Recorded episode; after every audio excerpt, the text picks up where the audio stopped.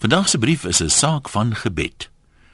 Daar sit ons toe rustig en koffie drink nadat ons op nasionale braaidag ons erfenis behoorlik geëer het. Oupa anoniem het by ons gekuier en hy glo mos die kos moet afsak. Presies waarheen as 'n mens nou so op jou blanker sit, was nog nooit vir my heeltemal duidelik nie. Vroeger die middag kon 'n mens sommer ruik hoe baie mense daar is wat nie oordentlik kan vuur maak nie. Kyk, nat hout sal enige man op die agtervoet sit, maar gebrek aan common sense ook. Snaaks hoe baie mense daar is wat nie besef 'n vuur het suurstof nodig om te brand nie. Hoekom anders pak hulle dan die hout nou so styf op mekaar dat daar net geen plek is vir 'n bietjie lugsirkulasie tussen die stompies nie? Jy kan 'n paar blokke verder nog ruik hoe smoor hulle vure. Ons gesels nog so rustig. Toe hoor ek iets wat klink soos die aandgebed wat gesing word. Maar nou praat ek nie van die susterkerke nie. Ek het dit nog maar net 'n paar maal gehoor, maar mense onthou die die ritme en die tempo en die klank daarvan.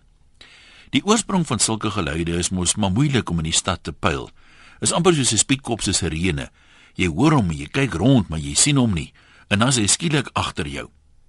Ek het nie 'n meebelorie in ons buurt gesien nie, so ek was nie bewus van enige nuwe intrekkers nie.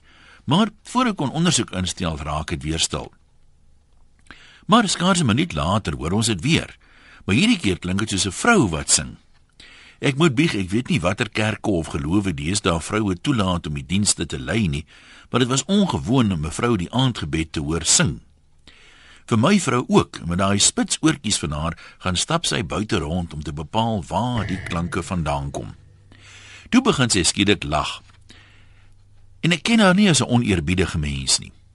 Dis 'n snaakse geloof, die sê sy. Sy sing I will survive. Wat 'n snaakse aanvraag. Dit klink vir my soos 'n boodskap van bemoediging. My vrou lag weer en sê geduldig, soos vir 'n kind. Jy ken seker daai stemtoon.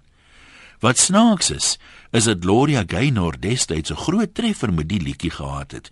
Maar toe het almal daarop in die disco gedans en nou dink jy dis 'n gospellied. Wanneer laas het jy gekaraoke? Die antwoord is nog nooit.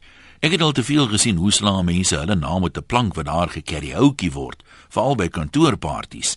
Dis is idols, met die verskil dat die gehoor jou ken en môre moet jy weer saam met hulle werk sonder om te bloos. O ja, nou verstaan ek sê vroutjie liefies, as my man sing, al is dit in die stort, dan bly dit maar 'n saak van gebed. Seker die wat dit vir jou so 'n bemoedigende boodskap was. Wel gelukkig was my braaidag so welbehaaglik. Sulke jakkalsies sal nie sommer my wingerd verniel nie. Maar groete van oor tot oor. Anoniem.